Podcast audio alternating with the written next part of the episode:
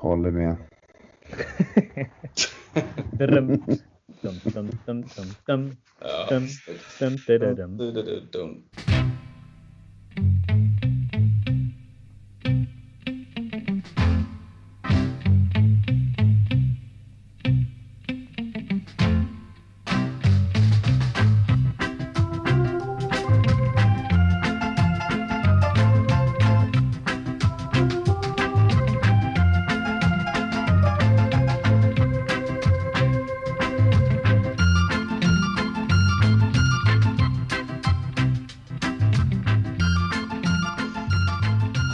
välkommen allesammans till avsnitt nummer 91 av CSS-podden. Mitt namn är Kevin Ståhlberg och tillsammans vid min sida har jag Donny. Hur är läget med dig? Jo då, Daniel Johanno här på andra sidan micken för tredje veckan i rad. Det är angenämt och eh, ja, det har väl sjunkit in här. Allting som vi snackade om i förra veckans podd gick ju åt skogen och det är bara att ta nya tag. Vi kommer väl in i det. Så att under omständigheterna så är det väl bra får man ju säga. Återigen här i Willes frånvaro. Men han är tänkt att vara tillbaka nästa vecka så att sen så kommer jag ta ett steg tillbaks igen och eh, fokusera på, på annat. Men det har varit väldigt kul att vara här med dig eh, för tredje veckan i rad. Eh, Kevin, hur är det själv? Ja, men det är bra. Jag tycker det är fina ord från dig att höra och det har varit eh, ömsesidigt. tycker jag har varit väldigt kul att få höra från dig. Det var länge sedan man gjorde det i poddinslag och även så frekvent i alla fall. Ja, nej, men verkligen. Och få programleda är lite nytt för mig. Jag har inte gjort tidigare på samma sätt. Så att det har väl varit en annorlunda roll. Men jag tycker det har varit väldigt kul att få vara eh, kopia av Ville. Eh, kanske lite bättre kopia till och med, får vi se. Eh, men det har varit, det har varit kul. Fyra plus. Ja, ett, ja, svag 2 plus skulle jag säga. Men eh, vi är ju inte helt ensamma idag Donny. Vi har gästas ju av Stefan Riddervall som var med oss för antal månader sedan i avsnitt 74 rättare sagt. Välkommen tillbaka och hur är läget med dig Stefan? Tack så mycket, tack så mycket. Jo, det är bra. Eh, lite, lite hälsoproblem eh, på förmiddagen idag. Annars, så, annars är det bara fint. Eh, precis som Donny börjar, börjar väl landa lite grann i, i allt som har hänt och, och komma tillbaka till, till det vanliga. Men det där med hälsoproblem lät allvarligt. nej. Eh, det, är- det, nej, jag har haft lite strul med ett öga så jag fick, eh, fick, eh, fick åka till Sankt Eriks och få lite, få lite hjälp. Eh, man ser ju inte allt för, för, liksom, för, för trevlig ut när man, när man går med mössan neddragen över halva ansiktet för att inte få in ljus. Men, men det Var var... det det faktum att det stod en tysk på sidlinjen igår som gick runt och kramade om spelarna efter slutsignal som fick ditt öga börja brinna? Ja, det var alla tårar tror jag från den här veckan som bara till slut har lagrat sig i någon slags infektion tror jag. Ehm, så att, eh, men nu är jag på banan igen, eh, om än med lite sämre syn. Men det, det ska nog gå bra. Härligt att höra. Ja, verkligen. Jag tänker att vi kan väl eh, avverka körschemat redan nu, för vi kommer ha en del att prata om idag med tanke på vad som har skett och jag tror inte det har undgått någon att Frank Lampard fick kicken efter en och en halv säsong som tränare för hans Chelsea. Var det ett felaktigt eller korrekt beslut?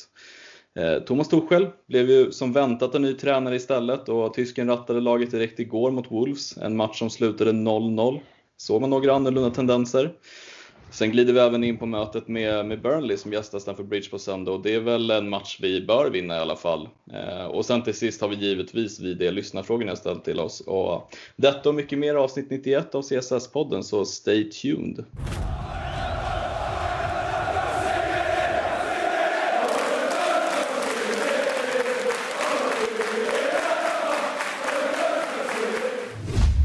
Vi hoppar direkt in vid den både tråkiga och chockerande nyheten att Lampard fick sparken från Chelsea. Eh, och du och jag Donny, vi var ju i förra avsnittet inne på att hans fyra kommande matcher i ligan blir vitala. Det blev Mm. bara en. Därför tänkte jag fråga dig först Stefan, hur, eh, hur chockad var du av beslutet och tycker du att det var befogat eller borde ha fått mer tid? Eh, det kom som en chock, definitivt. Det är klart att den har ju varit, eh, ja, har ju speglat spelet som har varit bedrövligt under en ganska lång tid nu. Eh, det såg så bra ut där runt Leeds. Ehm, men sen så försvann allt och jag tror väl att det faktum att jag inte tycker att vi gör en dålig match mot Leicester. Eh, jag tycker vi är helt okej. Okay. men de är så tydligt bättre. Tror jag blev någon slags här, mm, nej, nu måste vi göra någonting. Ehm, så att eh, det, men, men liksom känslomässigt så har det varit eh, sjukt tungt. Ehm, mycket tyngre än vad jag hade kunnat liksom föreställa mig och man kände väl nästan en så här, ja nej men nu skiter jag i det här. Eh, det, nu, nu är det liksom inte värt att, att, att följa längre men det gick ju över och sen var det match igen och, och då var man taggad på den matchen så att eh, man, man går ju vidare, man funkar ju så men, eh, men eh, det var några riktigt tuffa dagar faktiskt. Mm, alltså, jag kan ju relatera till det också, att för mig kändes det som att nästan en anhörig gick bort. Jag vet inte om du tycker det var så allvarligt Donny, men hur upplevde du hela situationen att Lampard fick lämna klubben till sist? Ja, nej, inte som att en anhörig gick, gick bort. För mig så, man har ju någonstans eh, läst rapporterna och även om man inte, även om man försökt förtränga det och, och jag tycker också det är skittråkigt så, så är, det, är det inte jätteoväntat. När jag läste det på Twitter uh, av Matt Law, jag såg det bara någon sekund efter att han la upp det, bara av ren tillfällighet så köpte jag det direkt. Man började prata om liksom bearbetningsfas och, och eh, kanske förnekelse och sånt. Men jag, jag bara såg det, jaha, ja, nej, men det, det, då stämmer det. Jag, så länge har man följt liksom Chelsea och så länge har man följt Matt Law också så man visste att, eh, att det stämde redan där och då.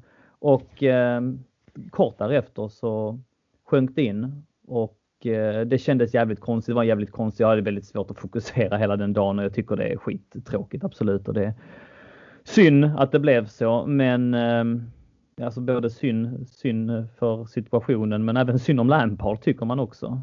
Ehm, men jag tycker inte att det är helt eh, ologiskt om man kollar rent historiskt hur Chelsea har agerat och om man väver in mycket av det som jag tror vi kommer gå igenom så eh, blev inte jag sådär superchockad även om man satt här förra veckan och hoppades som sagt. Vi pratade innan om en fyra veckors period också som skulle starta efter Manchester City eller en fyra matchers period med då Morecambe som skulle städas av, men efter det Fulham, Leicester, ehm, Wolverhampton och Burnley och eh, vi vann mot Fulham, men eh, det blev inte. Det skulle, man skulle gått rent här för att, eh, för att klara sig och eh, då snubblade man mot Leicester och det var någonstans den sista droppen som fick bägaren att rinna över. Och som Stefan sa så ska man bara benärlig så har det inte sett bra ut på ett ganska så långt tag och eh, när man tycker i Chelsea-lägret att det här får inte gå längre och det kan komma att bli värre. För att alltså, det finns aldrig något som säger att det inte kan bli värre. Det kan alltid bli värre. Ja, då har man agerat när man tycker att det går för långt och det tyckte man i det här fallet. Och eh, ja, nu är vi där vi är. Vad, om, Stefan, om du får utveckla, vad var det främst du tror att det blev som det blev, att det gick så snett? Vad, vad tror du var största orsaken? Var det spelarna som, eh, ska man säga, inte förrådde Lampard men eh, liksom klagade upp till styrelsen eller var det att han tappade omklädningsrummet? Har du någon typ av känsla? Jag har egentligen inte det.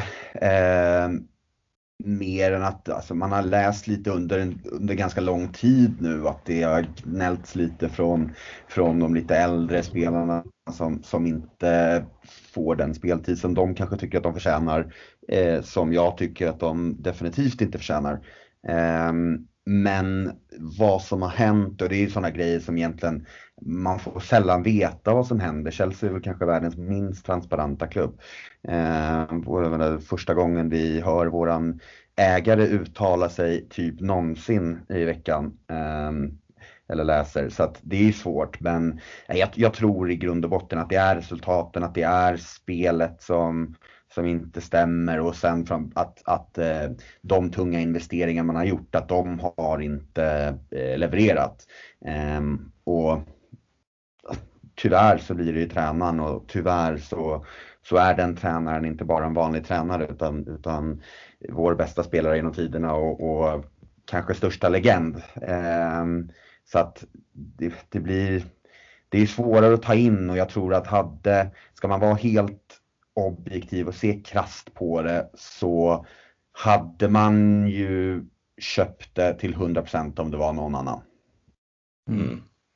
Jag tänker, Donny, vad, vad, tänker du om jag säger att både Arteta, Ole Gunnar och Jürgen Klopp har ju fått ganska ändå bra uppbackning av sina klubbar och har fått kanske det tålamodet Lampard inte riktigt mm. fick nu mot slutet i en dålig trend. Tycker mm. du att Tycker du att han borde fått samma uppbackning eller står du fortfarande fast vid att eh, alltså det är bara att svälja och ta det för att det gick så pass dåligt som det gjorde?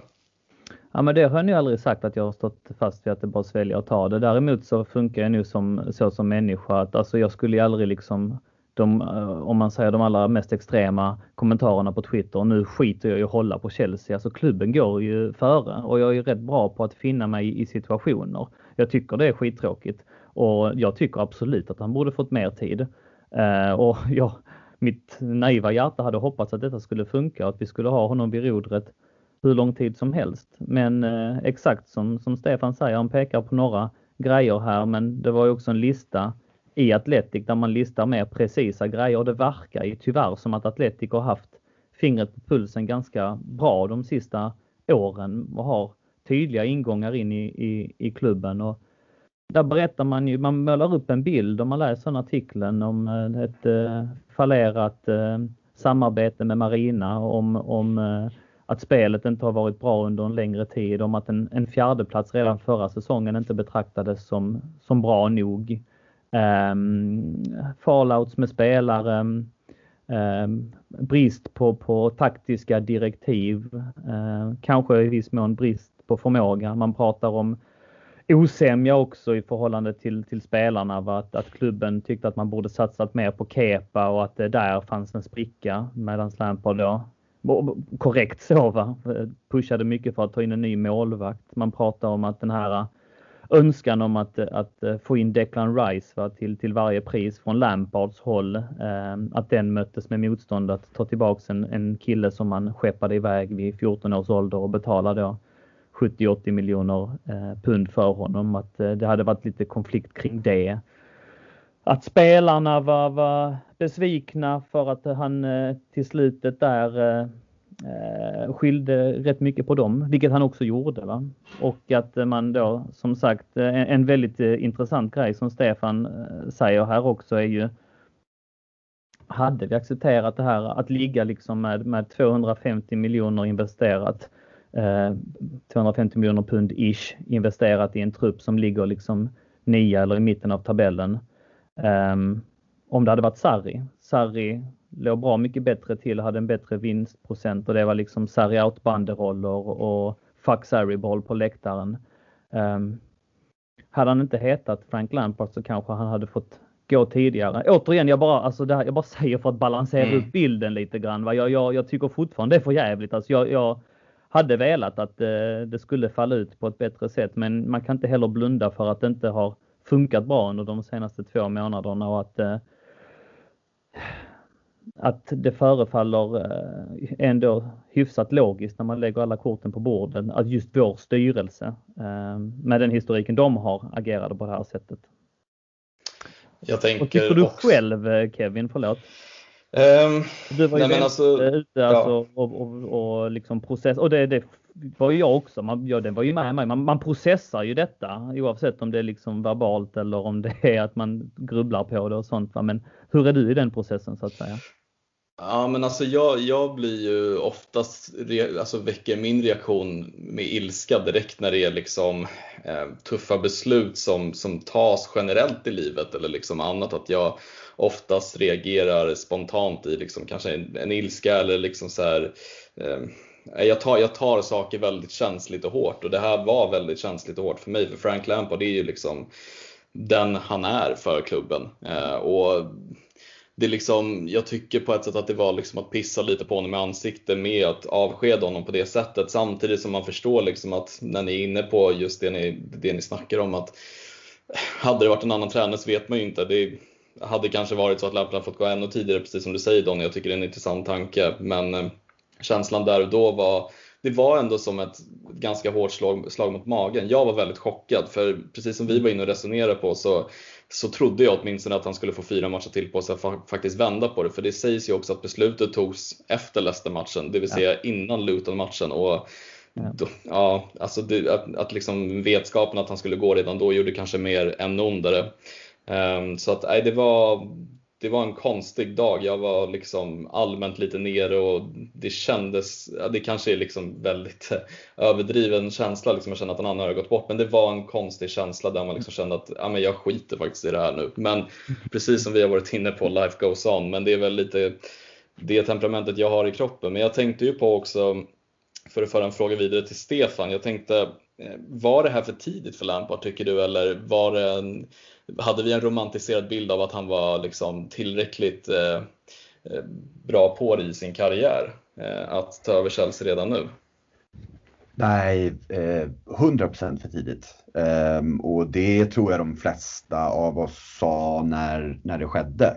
Att det finns en risk och i alla fall jag kände väl att när det började ryktas om det att sjukt spännande men inte nu. Eh, liksom bränn inte honom med projekt med, med unga Championship-spelare som ska, ska ta sig liksom, det, det, det, alltså, risken var ju stor. Eh, och det är klart att det är så här, jag har sagt det, eh, liksom, folk slänger ju ja Frank Lampard din bluff, jada jada jada. Jag, försökt hela tiden att säga vart var Jörgen Klopp två år in på sin tränarkarriär? Vart var Pep Guardiola två år in på sin tränarkarriär? Vart var Hassenhüttel in på sin tränarkarriär? Alltså Brendan Rodgers två år in på sin tränarkarriär. Det, det, alltså, han har ju ta, fått ett för stort jobb, eh, men det finns fortfarande en otrolig potential i honom som tränare. Eh, så att jag tycker att han fick Chelsea för tidigt. Jag tycker att han borde ha, ha gjort en längre resa och det tycker jag att man ska göra innan man får ett, ett toppjobb. Eh, men med det sagt så, så jag menar som, som inledningen på första året såg ut så tänkte man ju det här är ju liksom nästa stora tränare. Eh, det kan det fortfarande bli, men han får ta en, en liten omväg. Mm. Vad känner du om det Donny? Nej men jag håller med. Jag, det är klart man hade hoppats att det skulle falla ut rätt va? och det är nog en kombination av saker. Jag tycker att i hela detta så får man inte glömma allt bra eh, Lampard gjorde i sin karriär. Jag tycker väl inte att man har bränt honom. Det är inte så att han Alltså hade man hållit vid honom ännu längre och det hade fortsatt gå åt pipsvängen, vilket det kanske hade gjort, det kommer vi aldrig få veta. Men då hade man kunnat bränna honom. Men i det här fallet tycker jag ändå, alltså det blir ju aldrig trevliga avslut hur man än gör så här. Eh, när man har fattat ett sånt här beslut så kommer någon klaga på hur det gjordes. Va? Och jag tänker väl den tydligaste exemplet är när man sparkade Ancelotti efter Everton i spelarkorridoren. Det var ju fult liksom. Men här kallade man ju ändå in honom, man hade ett möte, man erbjöd honom att eh, ta farväl av spelarna, vilket han tackade nej till av förståeliga anledningar. Han, han orkade väl inte riktigt med. Det finns ju rapporter som tyder på att han gick runt och tackade alla spelarna efter Leicester, tog alla i hand. Va? Att han visste redan då att eh, det förmodligen var över. Men i allt detta så har han gjort jättemånga bra grejer. Han har eh, stått upp för klubben, han har varit rak i ryggen och, och gett ett fint skimmer kring Chelsea med fint språk, eh, eh, väldigt vältalig, svarat bra på frågor. Alltså gett ett väldigt fint intryck som en ambassadör och som representant för klubben. Han tog som sagt klubben till en fjärde plats och en, en FA-cupfinal under sin första säsong. Um, han, han eh, har vågat ge mycket chanser till våra akademispelare. Det är en sån grej som folk har, har ropat efter hur länge som helst. Va? Och många fina vinster också, även om i år så har de här stora vinsterna kanske uteblivit. Men, men jag tänker förra året, vinsten mot Arsenal satt jättefint. Båda vinsterna mot Tottenham. 4-0 som vi såg. Kevin mot Everton. Så att eh, mm. det, det, det, alltså, jag tycker inte att, man, att han på något sätt har blivit bränd eller kastad under, alltså han, hans legacy lever kvar som spelare och, och för en bra period eh, som tränare. Och det är möjligt som Stefan säger också att han går vidare och, och blir en bra tränare och kanske kommer tillbaks någon gång när han är lite mer eh, redo för det. Men den här gången, så nu när vi har alla korten på bordet så måste man säga att det föll inte riktigt, riktigt rätt ut. Någonstans så blev det liksom ett eh, vi har, vi har nämnt det i podden många gånger, eller hur Kevin? Att vi har haft frågetecken kring hans taktiska förmåga. Det har funnits frågetecken kring hattandet med formationer, med laguppställningen. Han har haft sina uppenbara favoritspelare och det har också varit en sån grej som man har ifrågasatt. Hans oförmåga då den här, den här säsongen att få ut det bästa av de här investeringarna. Inte en vinst i år eh, mot, mot topp 6-lagen. Usel vinstprocent på under 50% Den sämsta vinstprocenten av alla tränarna under Abramovic. Så en, en negativ eh, spiral som inte styrelsen upplevde att man kunde fortsätta hantera och eh, i Chelseas fall då sparkar man en tränare när det gått så långt. Va? Så det har man gjort tidigare och jag säger inte att det är rätt. Jag, jag tycker att det var en, eh, jag tycker fortfarande att det är ett felbeslut men det förefaller ändå logiskt. I, I allt detta vill jag väva in en sista grej också och det är ju att hans timing har inte varit klockren. Han har haft mycket oflyt i allt detta också. Jag tänker jag kommer ihåg när, när eh, Solskär vann den här matchen mot eh, PSG, du vet den här handstraffen mm. där i slutet. Rashford avgjorde i slutet. Ja precis ja. ja och, och Niva satt i studion där och eh, om det var Napoleon han citerade eller Caesar, han sa att vad är det viktigaste att ha i en, en ledare? Ja, jag har ju hellre en, en ledare med tur än, än en, en sjukt kompetent ledare. Liksom. Det är den absolut viktigaste egenskapen, det är att ha flytet med sig. Det hade Solskär då, det har fortfarande Solskär nu. Eh, men Lampard har inte haft det där. Va? Han har tajmat in grejer väldigt fel. Va? Det började redan i Manchester United-matchen när Abraham drar en boll i stolpen i hans första match som tränare. Och anfallet efter typ så får United en straff och det slutar med 4-0.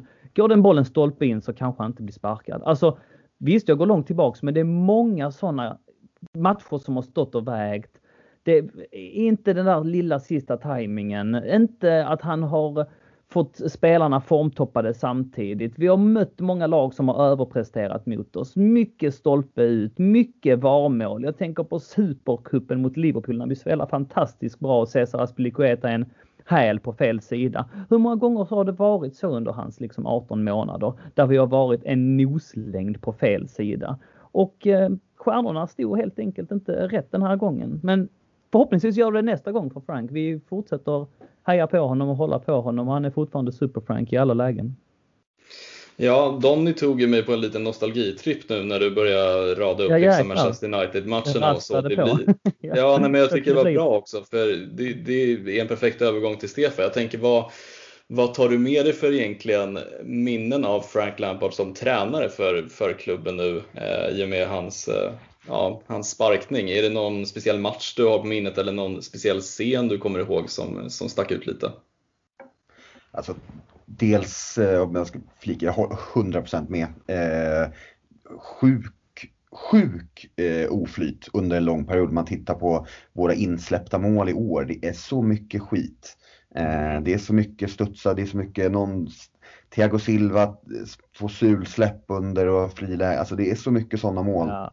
När man tittar på det och när sätter... vi ska vinna med 2-1 eh, i slutet så kontrar de in 2-1 på oss istället. Alltså det är många sådana jävla pissematcher. Exakt. Leicester vid Järbo då en, en millimeter från straff de gör mål i, i, ja. i anfallet efter. Och vilken det, det match är det här när jag lägger mig på marken och säger den, det är Aston Villa när Chilwell har det här volleyskottet som ja. går alltså, mm. touchar stolpens utsida och ut i 89.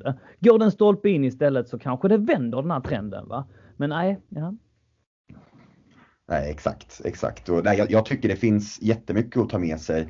Eh, jag tycker, eh, precis som, som, som sagt, att alltså alla intervjuer, han gör ett sjukt proffsigt, sjukt intelligent intryck. Eh, man är alltid, här, oavsett hur mycket jag älskat Mourinho tidigare så, så har man ändå någon del av en har ibland skämts lite för hur han har betett sig även fast man vet bakgrunden och vad han gör. Och så där. Här, man, kan, man kan titta på, vi, vi kan förlora 10-0 och man vet att han kommer ge ett proffsigt, ärligt och sympatiskt intryck. Eh, men sen för mig, eh, jag såg eh, Chelsea-Tottenham 2-0 eh, på en Tottenham-bar i, i München. Det, var, det var fint kan jag säga. Mm. Om det var för, förra, förra julen tror jag. Det var fint. Vinsten mot Arsenal när Tammy avgör. Resan mot, mot FA-cupen, finalen. Och, och, många, och den här känslan av att ja, men när han firar med supportrarna innan då covid eh, och, och, man ser liksom att fan, det där är liksom, det är en av oss. Ja, det är eh, genuint. Det har varit fint. Mm. Jag satt också och tänkte på lite, lite minnen man har av Frank Lampard och någonting som verkligen sticker ut som Stefan är inne på det är ju Frank Lampards intelligens i presskonferenser, intervjuer, bara liksom, även som objektiv, att han ger ett sånt genuint intryck som människa. Att han verkar vara så jordnära och liksom påläst, kunnig. Aldrig har jag sett honom liksom så speciellt ilsken eller irriterad. Det är väl kanske någon intervju hit och dit, men man kan ju se tränare som, som Mourinho till exempel som spelar det här mindgamet på nästan alla typer av intervjuer och presskonferenser och där tycker jag Lampard har varit helt överlägsen och att man kanske då till och med har blivit så himla romantiserad av bilden hur han är som tränare med att han har gett så starkt intryck på alla presskonferenser och intervjuer att det, det liksom, man blir så såld på vad han säger. Men jag tänker också på ett favoritminne jag har som, som Don känner, väl, eh, känner mycket väl. Det är ju Everton-matchen med mm. Eh, medlemsresan vi hade som dels var ju min första match på plats på Stamford Bridge men också hur hela det kalaset artar sig med att man får mm. se fyra olika målskyttar i matchen. Eh, debuter för Tino Anjorin och Armando Brocha som hoppade in. Billy Gilmore spelade kanske sin bästa match i Chelseas eh, mm. klubbmärke. Mm. Inte kanske, han var helt briljant den matchen. Ja, och liksom se han eh, stångas med Richarlison som är en jävla gris på planen och se Pickford bli hånad av publiken där vi stod och Everton-fansen stod och liksom gafflade med en bärs i handen mot oss på mm. mittemot. Det var, det var faktiskt bland de starkaste intrycken man har fått eh, på väldigt länge i livet kan jag säga i alla fall. Och det var Nej, det, är väl, det är väl den matchen jag kommer ihåg hur Lampard då gick med hela truppen mot, eh, mot våran stand och klappade och tackade och tummen upp liksom. Så att, eh, väldigt, väldigt starka minnen har man ändå av Lampard, eh, måste jag ändå säga. Och jag tänker om vi ska lämna Lampard-spåret lite så, så blev ju Tuchel presenterad dagen efter Lampard sparkades och han tog ju med hela sin stab, Solt Löv bland annat assisterande tränare. Ehm, och det sades ju att man gick igenom listan med Ralf Rangnick, Julian Nagelsmann och Allegri innan valet hamnade på Tuchel. En uppskattad tränare av dig Donny, eller hade du önskat någon annan? Jag vet inte Kevin. Man är ju alltså man är fortfarande så här att eh, man är liksom lite apatisk till nu tränare som mm. kommer in. Man vet om att ja men okej då nu lurades man lite grann och trodde och hoppades att Lampard skulle få lång tid. Va? Men nu är det ju tillbaks. Det kommer inte bli någon långsiktig lösning eh, på något sätt. Eh, det vet man om. Så att det är ingen idé att, att börja liksom applådera och, och eh, göra tjolahoppsan hopp över vilken tränare som än kommer in. Ehm, han kommer vara där i, i två år. Så är det ju. Kontrakt på, vad var det? Kontrakt på 18 månader. 18 månader plus ett år till. Också en sån grej som jag läste om, jag bara får återknyta lite grann till Lampard. Det, det, det som Givetvis. kom fram här, att man hade tydligen inte skrivit ett treårskontrakt med honom utan att man hade skrivit ett tvåårskontrakt med honom med option på att förlänga ett år. Det är ju också ett tydligt tecken på att man redan där och då från styrelsens håll visste om att ja, om det går åt pipsvängen så anammar vi den här strategin som vi har gjort tidigare. Blir det allt för illa, ja då, då ryker han trots att han heter Super Frank Lampard för att det är så vi fungerar.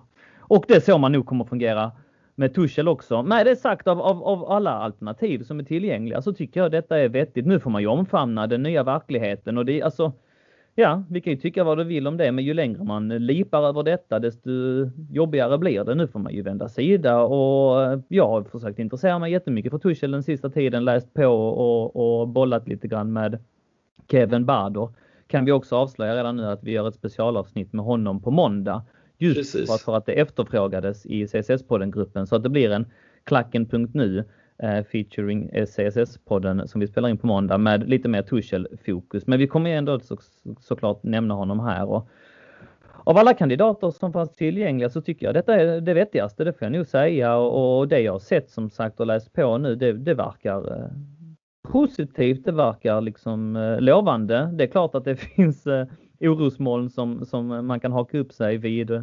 Det faktum att han eh, tydligen kan eh, tjafsa lite grann med styrelser och att han har fått gå både från Dortmund och PSG. Men återigen så tittar vi på en väldigt vältalig, högintelligent, välutbildad, högpresterande, modern tränare och om det nu stämmer det här att eh, Lampard, det han hade liksom i känslor och engagemang, att han kanske läkade det i, i taktiskt kunnande Um, så verkar inte Tuchel vara den och jag tyckte att han, han gjorde en väldigt, väldigt bra presskonferens. Det var många grejer där som imponerade på mig. Såg ni den idag grabbar?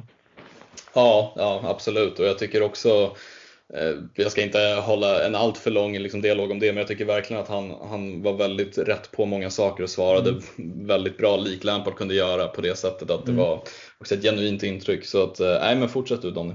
Men just den här biten med eh, när de frågade om Mason Mount, det där tyckte jag han svarade skitbra. Han verkligen beskrev Mason Mount i detalj som spelare och också sa att man behöver inte vara orolig. Jag har en historik av att främja ungt. Jag tyckte det var lite bättre att gå på lite mer rutinerat just nu. Men, eh, men, eh, och sen beskriver han Mount som, eh, som spelare in i detalj. Och det som är mest intressant i detta är att han fortsätter med att beskriva Billy Gilmore i detalj med alltså fem, sex, sju stycken attribut. Och det är sådana grejer som han inte hade kunnat eh, se sig till på två träningar. Utan det här har han liksom eh, pluggat på eller, eller eh, har, har liksom haft koll på sedan tidigare. Och det är ju extra fascinerande tycker jag i termer om, eh, eh vad kan det där? Var det bara i mina öron det började spela musik? Ja, nåväl. Eh, det är extra imponerande tycker jag då Billy Gilmore inte har synts så mycket i rutan. Eh, så, så jag menar hur, hur han kunde liksom diagnostisera honom som spelare, det tyckte jag var remarkabelt och, och faktiskt eh, imponerande. Eh, såg du presskonferensen Stefan eller har du läst någonting om den? Jag har läst eh, kommentarerna från den, eller jag har läst eh, sammanfattningen av den. Jag håller, håller med. Han, han, eh, jag, eh, jag har inte en speciellt positiv bild av honom som människa sedan tidigare. Eh, däremot har jag sett hans lag spela alldeles fantastisk fotboll. Um, och det är tydligt att det är en, en tränare med liksom jättemycket bra idéer och givetvis en bättre tränare än vad Frank Lampard är. Uh, jag kommer mycket längre och det, det, måste man ju kunna vara nykter och, och, säga liksom att det är klart att Thomas Tuchel är en bättre tränare än Frank Lampard. Uh, det vi väver in är ju andra värden än, än just det, um, mm. såklart. Eh, men jag håller med och, det som, som känslan jag har fått med honom är att han har suttit och väntat på det här. Um, och han har, har satt sig in i, ja, uppenbarligen, satt sig in eh, väldigt djupt i Chelsea medan det har knack, varit knackigt och, och vetat att jag är på marknaden. Och jag mm. håller med 100%. Det är, tycker jag, det överlägset bästa, eh, bästa alternativet som var ledigt. Och även om han inte var ledigt så är han ett topp 5-namn. Ja, ja. eh, så att jag tycker vi ska vara jättenöjda med att, att få in en sån tränare. Eh, och jag tycker det var kul att se det, det brann i ögonen på honom. Han verkar genuint stolt över att få representera Chelsea, mm. eh, få komma till Premier League och, och eh, det är liksom ingen som har tagit jobbet för att ah, jag hade inget annat utan, utan han, han, han vill verkligen vara där och sen kommer han bara vara där i två år men, men mm. medan han är där så är det kul att han brinner för mm. Ja, nej verkligen och jag kan bara instämma i det, det ni snackar om. Jag tycker också att han gav ett väldigt bra intryck på presskonferensen och lite som Stefan är inne på så är väl jag inne på samma spår. Att jag också kunnat dels läsa mig till det men också kanske haft en upplevelse om att han inte kanske är den liksom skönaste människan i sig så, men han är ju definitivt en, en förstärkning när det gäller det taktiska som Chelsea jag som jag tycker har saknat ganska mycket. Eh, precis som Stefan säger att man ska vara nykter och titta verkligen klart att det är en bättre tränare tycker jag verkligen att man kan se det med tanke på att Lampards spel hackade väldigt betänkligt egentligen under hela säsongstarten. Det var väldigt upp och ner i prestationer eh, vissa gånger och det var en jättebra period vissa gånger. Ibland var det ju liksom som det blev nu på slutet, verkligen helt käpprätt åt helvete. Så att det ska bli väldigt intressant att se vad, vad som kommer hända med Torshäll.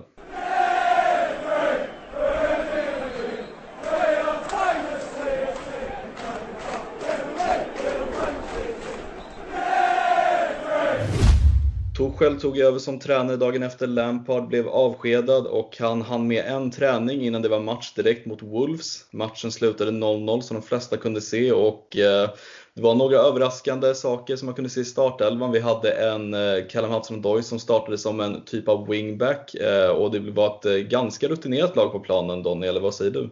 Mm. Ja, det var ju det vi nämnde lite innan pausen här också, att han, eh, Tuchel förklarade det väldigt bra på sin presskonferens, att han valde just eh, medvetet att gå in lite mer rutinerat med lite tyngre namn. Eh, sen så tror jag nog att som alla tränare så kommer han ha sina favoritspelare. Jag tror nog att eh, man får omfamna att Rüdiger kommer eh, figurera mer i startelvan än vad han har gjort tidigare. Eh, kanske i viss mån Jorginho, även om han faktiskt sa efter presskonferensen när de har den här daily section till tidningarna så sa han att han valde Jorginho just för den matchen men öppnade faktiskt upp för att han inte kanske tyckte att Jorginho hade de fysiska attributen för att kunna vara och i, alltså spela regelbundet. Han, han, han eh, gav lite utrymme för den typen av tolkning i alla fall. Um, men eh, i övrigt så var det ju genomgående där valen, eh, där man stod och lutade liksom Reece James, Aspi, så valde han Aspi. Abraham Giroud, där valde han eh, Giroud. Även på mittfältet Benka Mason Mount och så vidare. Um, och ja, det var ju intressant och det här faktumet som vi också livesände från CSS-podden-gruppen på Facebook. Är ni inte med där så gå med vet jag. Sök på CSS-podden-gruppen på Facebook och klicka in er på den. Vi behöver eh, all kärlek vi kan få. Så det är en trevlig grupp. Men där livesände vi och snackade just om det här faktumet att det hade läckt ut att det förmodligen var ett eh, formationsbyte också, vilket var synnerligen intressant. Ehm, det är väl de grejerna jag har hakat upp mig på. Man spelar bra, man borde vunnit. Återigen, återigen otur. Det är någon, som har gjort någon voodoo-konst på, på Chelsea de sista här åren. För det är jävlar i det stolpe ut alltså. Har man 80% bollinnehav så kan man vinna en match. Ja, nej verkligen. Och man hade ju 16 återerövringar på offensiv planhalva. Man hade 820 mm. passningar totalt, 78% i bollinnehav, vilket var två rekord för en tränars första match att ha i sin debut. Och jag personligen tycker ändå att man såg eh, ett ganska bra spel, men att det var lite som att vi saknade någon som bröt mönstret i mitten. Vad, vad, vad såg du, eh, Stefan, under matchen? Exakt det. Eh, och det var lite det som jag kände mot, i Leicester-matchen också att jag tycker, som jag sa, jag tycker att vi gör en okej okay match där, men vi gör ingenting individuellt. Och det är lite samma, samma här. Vi har inte riktigt, Callum Hudson är bra, kommer runt bra på kanterna, någon situation här och där, men Pulisic, Ziyech, eh, ja men till viss del även, även eh, Hudson kommer inte riktigt runt, kommer inte riktigt förbi. Vi får inte den här sista ytan och kommer få ett övertag. Ehm, och den känslan har jag haft hela säsongen att vi har inte riktigt fått det individuella som, som man behöver när man möter låga försvar. Det räcker inte med att, att, eh, att passa och, slå inlägg utan man måste ha lite så moment av briljans för att kunna bryta ner så här låga försvar. Ehm, men med det sagt, att ha 78% bollinnehav mot, så här, det ska man inte stirra sig blind på, men mot Wolverhampton är imponerande. Eh, det tyder på att vi vinner tillbaka bollen väldigt snabbt. Eh, och jag tyckte att vi hela tiden försökte attackera, vilket gör det ännu mer imponerande. Vi har liksom inte eh, spelat runt i backlinjen och, och liksom maskat tid, utan, utan jag tycker att vi försökte spela direkt och jag tyckte att det var tydligt att, att han har tryckt på liksom, just med passningstempot, att, att det som vi alla har sett har varit för lågt. Mm. Att det måste upp. Och även liksom att, att pressspel och det är sånt där som är svårt att synka på, på ett års tid. Eh, mm. Det är givetvis omöjligt att synka på, på en träning men jag tyckte man såg embryon till, till, ehm, till någonting som kan bli riktigt bra. Mm, och jag tycker när man har läst ganska mycket på olika sociala medier så ska Tuchel vara väldigt liksom Eh, han ska väl ha Callum Hudson-Odoi som någon typ av favoritspelare som han verkligen uppskattar och gillar mm. och han fick en liten specialroll igår som någon typ superoffensiv wingback där egentligen hans direktiv som han sa själv eh, i, efter intervjun mm. efter matchen att Tuchel hade bett honom att vara direkt eh, vara på försvaren och dribbla och liksom gör din gubbe så ofta du kan samtidigt som man såg att han bröt en, en viktig chans som den Donker hade mot slutet. Så jag tyckte ju personligen att han var kanske den bästa spelaren i matchen. Vad tyckte du Donny om hans eh, mm. insats? Nej, men jag håller med. Jag tyckte också att han var, han var väldigt bra. Men sen är det också som Stefan säger att jag vill också se mer av honom och det har vi också snackat om tidigare mm. Kevin. Att man vill ändå att han ska våga göra den här gubben och jag tror att det kommer. Uh, han uh, visade bra tendenser men jag, jag, jag tror att han kan ännu bättre och jag tror att med lite mer självförtroende. Det är ändå att han slår bort lite bollar och det är ändå att han fastnar lite då och då när han försöker göra sin gubbe vilket, han, vilket gör att han vid nästa tillfälle väljer att passa tillbaks den istället. Och det gör också att eh, det blir ytterligare en spelare som inte vågar slå den där passningen. Jag tänker på i slutet av matchen när man rullar runt och rullar runt. Då får Aspilicueta bollen vid två tillfällen och vid båda tillfällena så försöker han sätta den i djupet. Vid båda tillfällen så går det någon och bryter och då blir han så fuck. Nu har han turen att det studsar tillbaks till honom. Men jag tänker att de, det är bra att han slår de passningarna. Man måste våga slå de där passningarna i djupet även om Eh, någon bryter. För att om du inte vågar så kommer de aldrig komma fram och tyvärr saknades det lite grann igår eh, generellt överlaget. Någon som bryter mönstret, någon som gör det där sista, vågar det där sista i den sista tredjedelen. En, en Hazard som kunde liksom vinna matcher för oss när de stod och vägde. Ehm, ja, jag hoppas att det kommer med självförtroende. Det är inte konstigt att det blir så när man har varit i en sån här negativ spiral, men det lever kvar lite grann. Men som, som ni är inne på, absolut en, en positiv eh, mersmak, men synd med resultatet. Jag tänker också någon som, som jag tyckte var, alltså om man ser till prestationer tidigare så tycker jag väl även att Kai Havertz gjorde en ganska, tycker att hans insats kanske inte var liksom det bästa man har sett, men jag tycker att man ser lite mer glimtar av honom och hans rätta. Jag tycker hans Eh, man fick ju verkligen se hans speed för första gången när han liksom älgar sig igenom försvaret där i början och hans nick ska man inte heller glömma i sist, absolut sista minuten på hörna som mycket väl kan gå in när Wolves-spelaren står och täcker där i slutet. Eh, vad tänker du om, eh, om Kai Havertz och Timo Werner, Stefan? Är det någonting Torshäll kan hjälpa till att liksom få igång nu med tanke på tyskkopplingen och allt det här eller är det mer bara att det kunde vara vilken tränare som helst? Jag, jag har inte riktigt köpt tyskkopplingen eh, faktiskt. Eh, mig veteligen så har de väl inte jobbat tillsammans tidigare. Nej, eh, och jag kan heller inte egentligen se, för det är många som har pratat om det som ett faktum att jo men Tuchel mm. kommer få igång Werner och, och, och Havertz. Och det är så, mm. ja, vilken, vilken, med vilken uppställning då? Därför att mm. jag ser egentligen ingen uppställning där, där de kanske är perfekta för varann ehm, eh, och där de är perfekta båda två.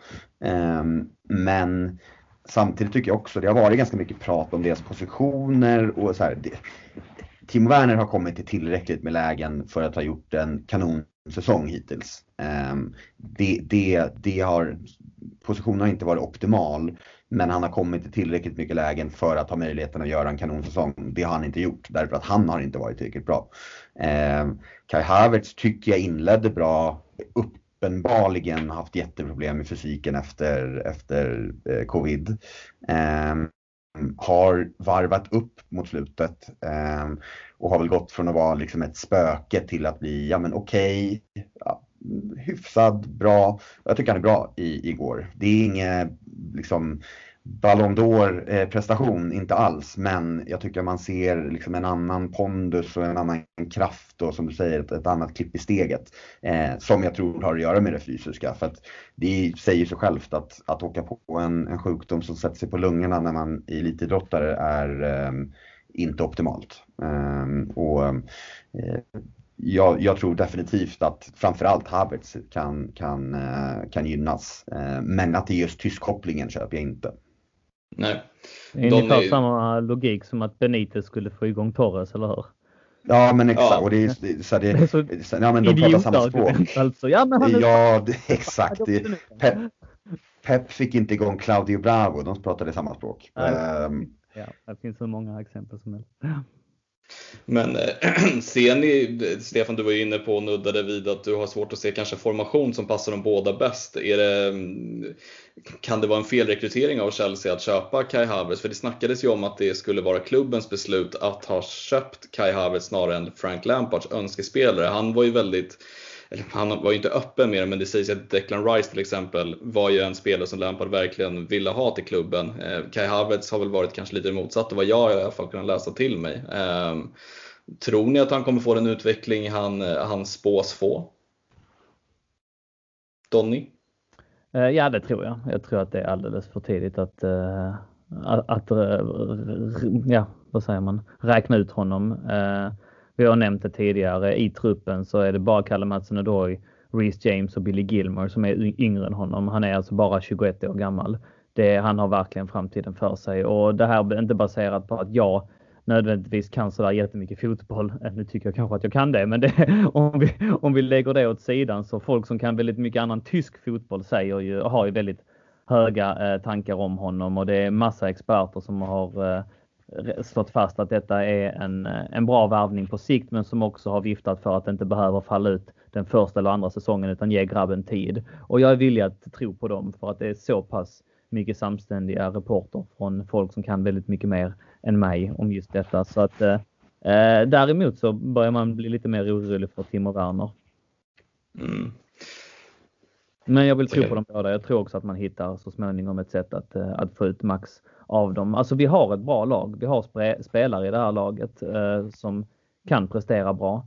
Eh, det är absolut inget, eh, eh, ingen garanti att bara för att vi byter tränare att det kommer att vända direkt. Det, det kanske tar tid, men jag tror att vi kommer nå dit. Jag, jag, eh, ja, det, jag skulle säga att jag är övertygad om det, men det är jag ju inte. Jag var ju övertygad om att vi skulle konkurrera om titeln innan säsongen gick igång och tji fick jag, men sanningen var ju den att det var där förväntningarna låg och jag, jag tror att vi kommer dit alltså. Ehm, alla har verkligen en formsvacka just nu, men med lite, med lite rätt metoder och lite, lite knuffar i ryggen så kommer vi nog dit.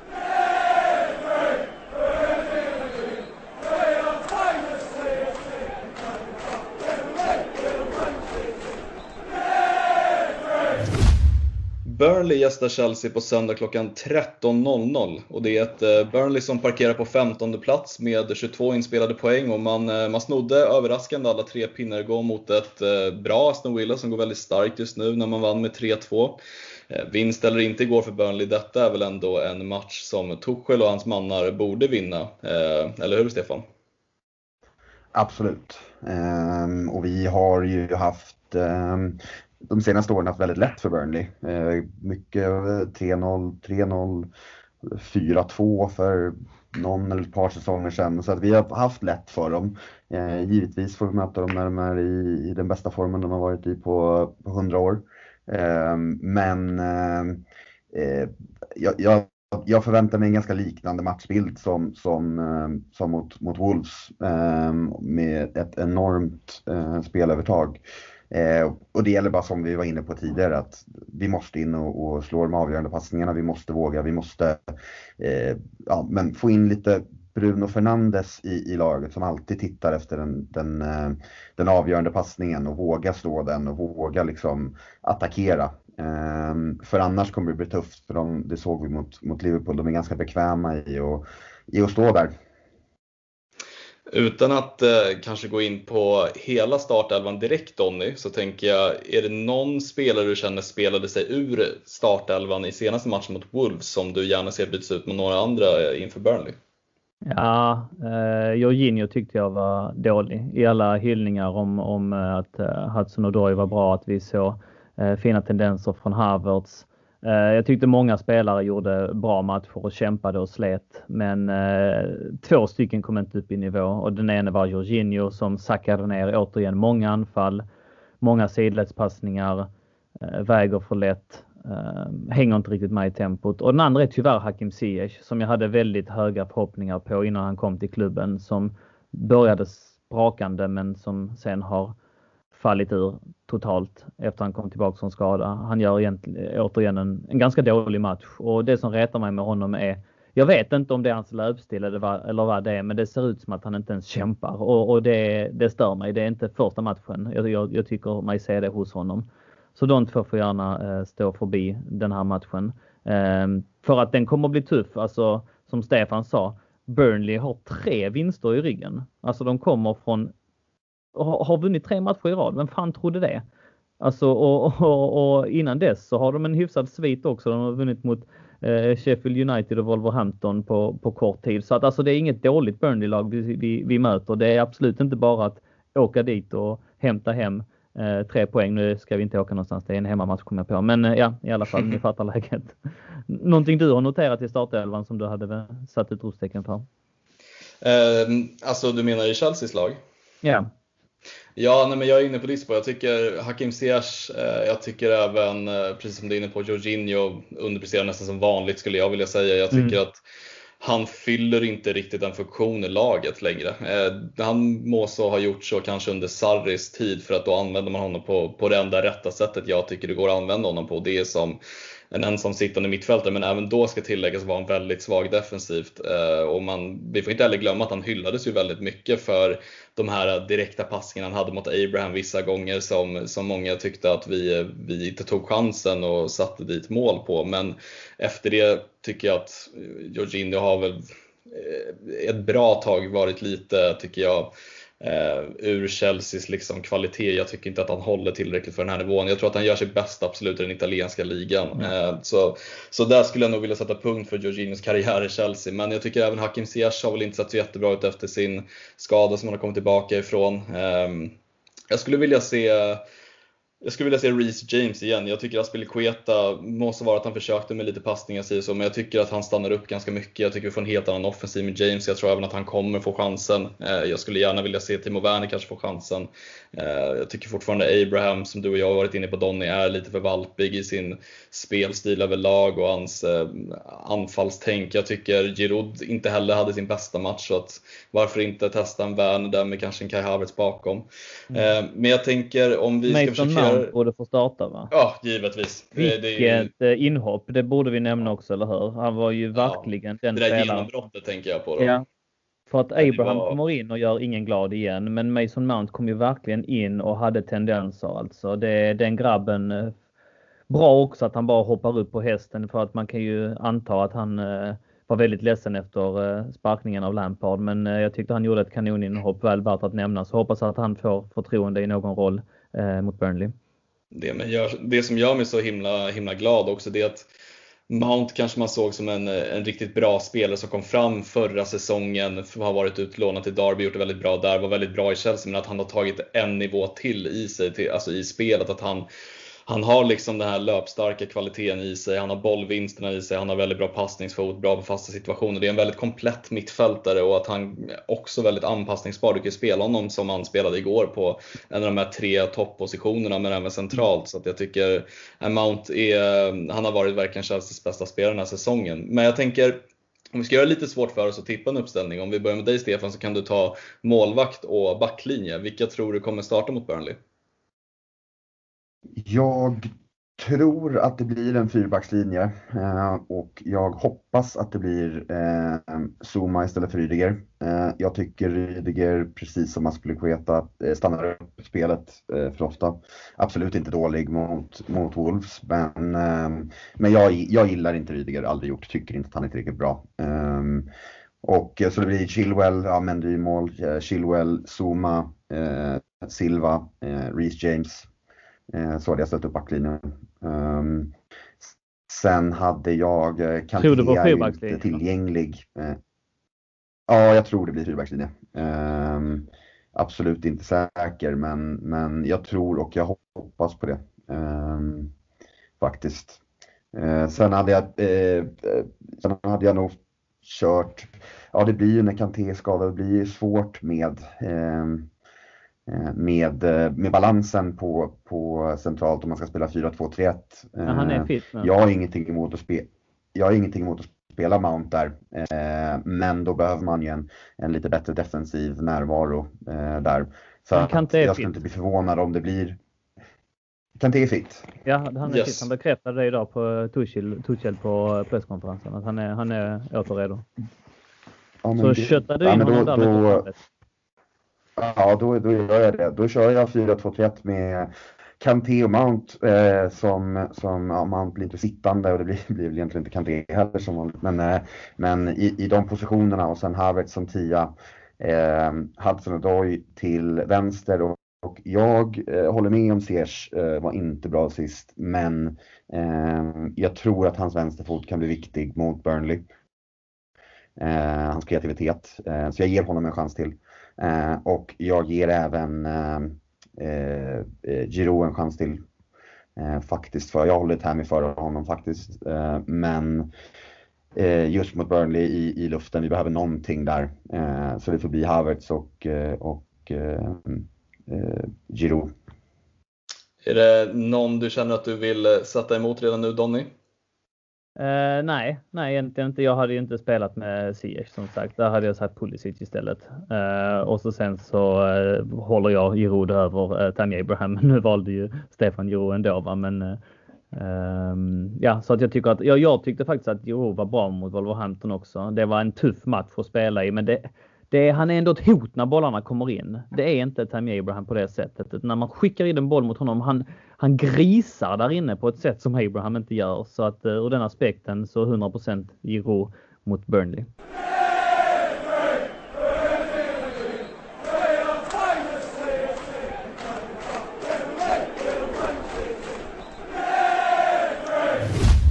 Då har vi kommit till slutpunkten i körschemat där vi tar vid det lyssnarfrågor ni ställt och jag tycker att vi hoppar direkt in i det hela. Eh, Anders Jonsson frågar, eh, Thomas Tuchels senaste uttalande om att laguttagningen inte blev rättvis och att han gick på rutin. Innebär detta att han ej följt Chelsea de senaste åren och ej har koll på hur, eh, hur, hur dåligt vissa äldre spelare presterat? Vad känner du där Donny? Jag vill bara tillägga att jag för mig till och med Tuchel gick ut och sa att han helt gick på baserat på rutin va? Om inte jag helt fel. Mm. Mm. Jo, det gjorde han ju och det som eh, det, det både han sa och det jag tycker att man kunde utläsa av den presskonferensen var snarare det motsatta. Att han har följt Chelsea väldigt nära och som ni två diskuterade tidigare också eh, så har han nu haft eh, det här lite grann på känn och eh, jag tror kanske att han är en sån typ också att han konsumerar väldigt mycket fotboll och har väldigt bra koll på eh, topplagen runt omkring i Europa. Och det märktes som sagt beskrivningen av Mount och Gilmore var helt spot on.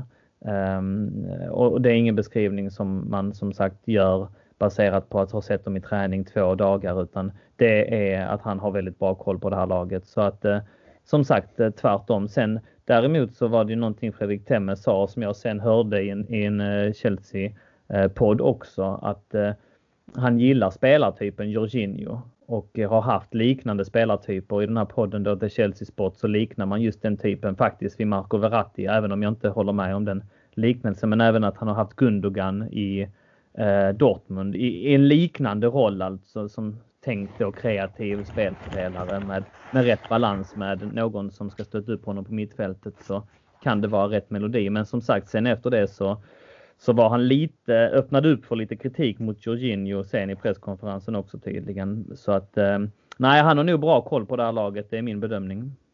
Mm. Eh, Johannes Bonander har frågat, vad är era förväntningar på säsongen nu? Hur mycket kan man kräva av Tuchel egentligen? Stefan?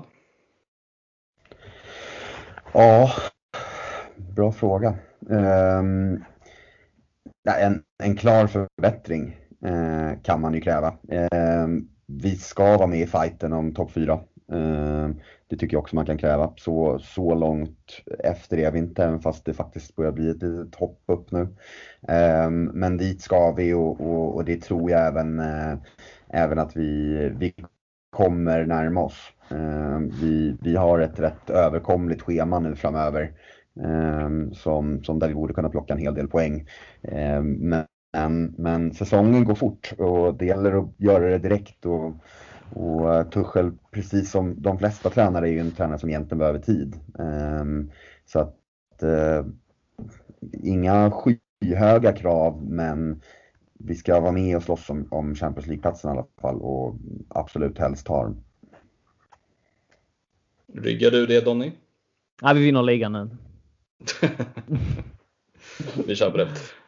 Um, Väldigt intressant fråga från Hannes Bergenfur. Vad anser ni är det viktigaste med fotboll? Gemensam vision och framtidstro som är baserad på känslor och klubbidentitet, eh, till exempel Lampard och ungdomssatsningen. Eller en ständig strävan för kortsiktiga ekonomiska bokslut och titlar, Donny? Mm, ja. Uh, ja, vad ska man säga? Det är, alltså när man målar upp det så. Uh, man, kan, man kan inte blunda för hur verkligheten ser ut. Um, och jag tyckte Pep Guardiola sa det i, i, relation till eh, när han fick frågan om Lampards sparkning så sa han det finns inga projekt i fotbollen. Alltså det, det, det, there is no project. Alltså det finns liksom inga långsiktiga projekt. Uteblir resultaten. Det är en så pass resultatdriven bransch. Så, och det här är inte unikt för Chelsea. Jag var tvungen innan jag gick in uh, och slängde mig på micken här med så var jag tvungen att kolla på vad de andra storlagen hade i tränaromsättning för att jag tycker att det har varit så mycket snack om, men det är ju så Chelsea opererar. Och ja, det är så Chelsea opererar. Men det är så väldigt många andra agerar också. Juventus hade en eh, ungefär li, li, lika stor omsättning på tränarposten under de sista tio åren. Barcelona likaså. Real Madrid likaså. PSG likaså. Det var de jag kollade på. I snitt sitter de två, tre år. Och ungefär som, som, som vi har haft också. Va? Nu vet jag att vi har haft lite interimlösningar när Goods Hidding kom in och Benitez kom in och sådär. Men om, om, om man då, de var ju uttalade interimlösningar va? och det gör att vi har några fler på pappret. Men, men alltså metodiken är ändå densamma. Om det inte går bra i relation till förväntningarna så är det många som, som, eh, som sparkar tränaren och det är den verkligheten vi lever i. Så att eh, ja, om, om man då rent pragmatiskt ska svara på den frågan så är det ju kortsiktighet som, som, som kortsiktig välfärd eller vad man ska kalla det, mm. som är melodin. Mm, det är så verkligheten ser ut bara. Det, that's it. Mm. Mm. Det är en väldigt intressant fråga. Um, Baltzar Högman Branthall frågar om, det här kan vara lite intressant för jag vet att ni båda tycker lite olika här, men tror ni Tammy Abraham har förutsättningar att bli en toppklass toppklass-striker? Jag personligen ser inte hans utveckling. Vad känner du om det Stefan? Är han eh, en eh, ska man säga, världsklassanfallare in the making? Jag tycker att han är långt fram i utvecklingen sett till roll och sett till liksom jämförelse med eh, vad, vad de, den typen av spelare brukar vara. Eh, jag är övertygad om att ser han annorlunda ut så är han, håller man honom annorlunda. Om han inte var gänglig så skulle han hållas högre. Eh, jag tror att man blir lurad där, lite samma med Kurt Zuma eh, som också ser gänglig ut, ser osäker ut. Eh, alla, han, är, han är värdelös med bollen och när slog han senast bort en passning? Eh, och, och där, jag tycker det är lite med, med Tammy också. Han behöver lära sig av Giroud att bli risligare i boxen, att bli tuffare. Eh, men det var inte Giroud när han var 22 heller. Um, och lite det, det var inte Lewandowski när han var 22 heller. Utan det är någonting som man utvecklar och jag tror definitivt att han har potential. Jag tycker att hans eh, targetspel har utvecklats jättemycket de senaste åren. Eh, mot vad det var, framförallt vad det var i, i, i, i ungdomsled. Eh, och det han gör som Giro inte gör är att han är ett hot i djupet också. Eh, så att jag tror definitivt världsklass, eh, beror på om man drar gränsen för världsklass, men, men han leder skytteligan i år. Ehm, han, eh, han, jag tycker att han tar kliv hela tiden. Sen om det räcker till världsklass, tveksamt, men bra nog för Chelsea, det tror jag. Vad känner du då Donny, kontra? Mm, nej, men det, vi har pratat om det tidigare på det. Så nej, jag, jag, håller inte med om det. Jag hoppas att Stefan har rätt, men jag, jag ser inte riktigt det. Dessutom är han 24 i år, så att eh, jag, jag, tycker inte att han besitter de, de kvaliteterna. Ehm, men, men som sagt, jag hoppas att Stefan har rätt. Mm. Jonas Granbäck, är possession fotbollens tid förbi? Vi bland andra lag som försöker trötta ut motståndarna genom possession-spel verkar ha det svårare i år. Eh, är det en tes som du tycker stämmer, Donny? Mm. Jag vet inte. Nej, det tror jag inte. Jag vill inte tro det. det alltså Manchester City spelar fortfarande väldigt mycket possession och, och kommer förmodligen vinna ligan på det. Liverpool kör fortfarande mycket possession. Sen att liksom United och har massa flax hela tiden. Ja, det kanske tog slut igår i och för sig. Och att eh, Tottenham brunkar till sig vinster på det sättet. Så att, nej, det vill jag inte tro. Mm. Eh, vi kan ta nästa fråga av Riyad Sabanovic. Eh, tror ni att det kommer bli en stor spricka mellan fans och styrelsen efter behandlingen av Lampard? Det är kanske därför Abramovic uttalat sig för en gångs skull. Vad, eh, vad tror du om det, Stefan? Eh, nej, jag tror att Abramovic har tur att, eh, att arenorna är, är, stängda just nu. Eh, för det här kommer lägga sig. Eh, folk från södra delen av England är inte så, alltså, jag vill inte säga mindre passionerade än uppe i norr, men eh, man, man tar det lite, lite mer så här, man, man ja, ja okej.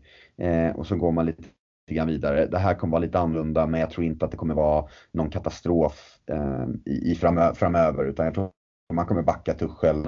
Eh, man kommer inte vara nöjda med styrelsen för, för hanteringen, men jag tror inte att det kommer bli någon, någon jättespricka, utan jag tror att det kommer blåsa över precis som petningen av John Terry har blåst över och, och, när Frank Lampard inte fick förnyat kontrakt eh, som spelare och, och, när Carlo Ancelotti fick sparken och när José Mourinho fick sparken. Och, alltså, man går vidare och, och eh, så även, även eh, eh, supporterna på plats.